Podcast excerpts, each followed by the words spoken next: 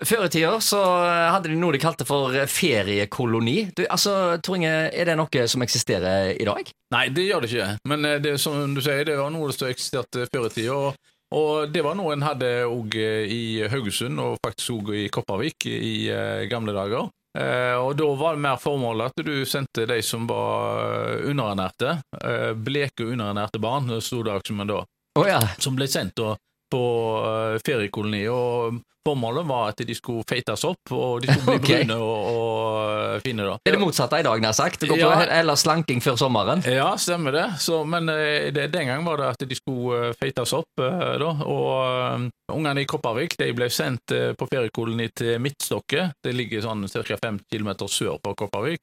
Mens eh, ungene i Haugesund de ble sendt innover uh, i distriktet da, på uh, ulike ting. De, men før, altså Rundt 1900 så begynte denne ordningen med ferie, at du sendte eh, bleke barn, eh, underernærte barn, eh, på feriekoloni. Og så eh, gikk det, og de ble sendt til ulike steder, eh, da, både gutter og jenter. Eh, men så fra 1915 så fikk vi faktisk i Haugesund en egen feriekoloni inne i Skjold.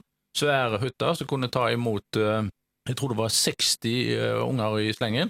Eh, se- eh, 60 gutter og senere 60 jenter. Da, så fikk en del uker på landet. Da, da var formålet at de skulle uh, ta og legge på seg uh. Hvert år så var det da store pengeinnsamlinger for å få finansiert dette. Da. Oh, ja. Det ble ikke betalt over skatteseddelen, for å si det sånn.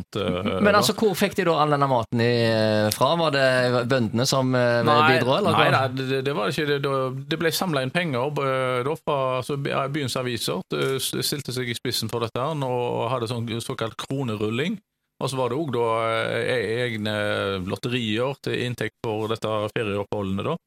Og eh, så ble ungene da eh, sendt inn over, og de for eksempel fikk de gratis skyss, enten det var med båt de reiste, eller med buss og så videre, da.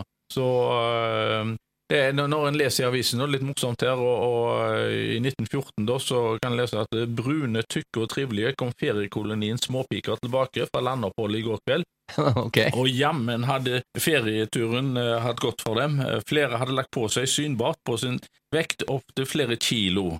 Eh, Gledelig er det å kunne fortelle de små har oppført seg mønsterverdig. Eh, og så var det en da, så, eh, gutt som sto og venta på søsteren sin på kaien i Haugesund. Oh, ja. Eh, altså, dette er i 1917, Nå står det i, i eh, Haugesund Dagblad.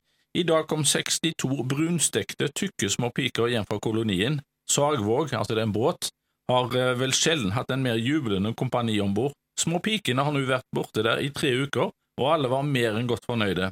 En liten gutt sto og så beundrende på sin søster som kom med båten fra feriekolonien. Etter en lengre taushet og beundringens stund forløste hans anerkjennende ifølge nord. ord. Akk, hvor feit du er blitt, Ingrid.